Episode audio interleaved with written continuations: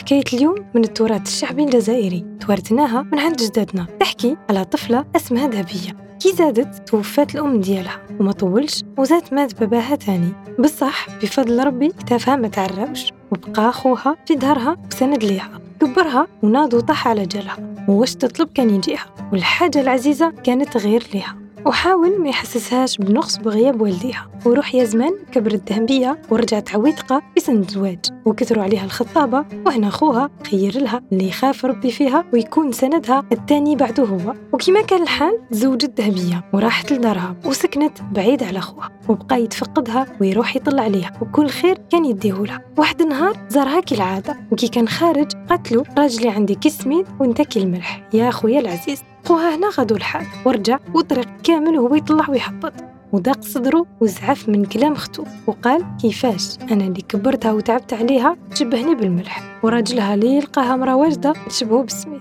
وحلف ما يزيدش يزورها. وجازوا ايامات وشهور. وذهبية تسنى في خبر يجيها من عند خوها. ولا خبر لحقها. ولات ذهبية تهدر وحدها وتقول واش درت له واش شاف مني باش يقطعني هاد القطعة؟ بصح خوها ما صبرش. وراح بعد مدة طويلة وزارها. وقال الله ينعلك يا بليس مهما دارت راهي تبقى أختي الوحيدة. ذهبية ماتت بالفرحة كي شافت خوها ودخلت تجري للكوزينة وما كاش ماكلة ما طيبتهالوش. وحطت له كل شيء بطبع وشه وبدا خوها يفطر. بصح الماكلة ما عجبتوش. قال لي دوقها تجيه صامته ومسوسة وما لقى ما ياكل. وهي تقول له دوق هادي درتها على جالك. وهادي على بالي تحبها. وكي قدرش يكمل ياكل قالها حيرتيني. تقول ما طيابك ما قدرت نحبط والو. كلش مسوس ما عندكش الملح في الدار. وردت عليه ذهبية وقالت له هذا واش قصدك؟ كي قلت لك أنت ليا كي الملح. معناتها لحية بلا بك يا خويا العزيز صامتة ومسوسة. ما فهمتش وعلاش عاديتني؟ وقطعتني. أنا كي قلت لك راجلي عندي كي سميت قصدت هو اللي يجيب لي الخبزة. بصح أنت مكانك غير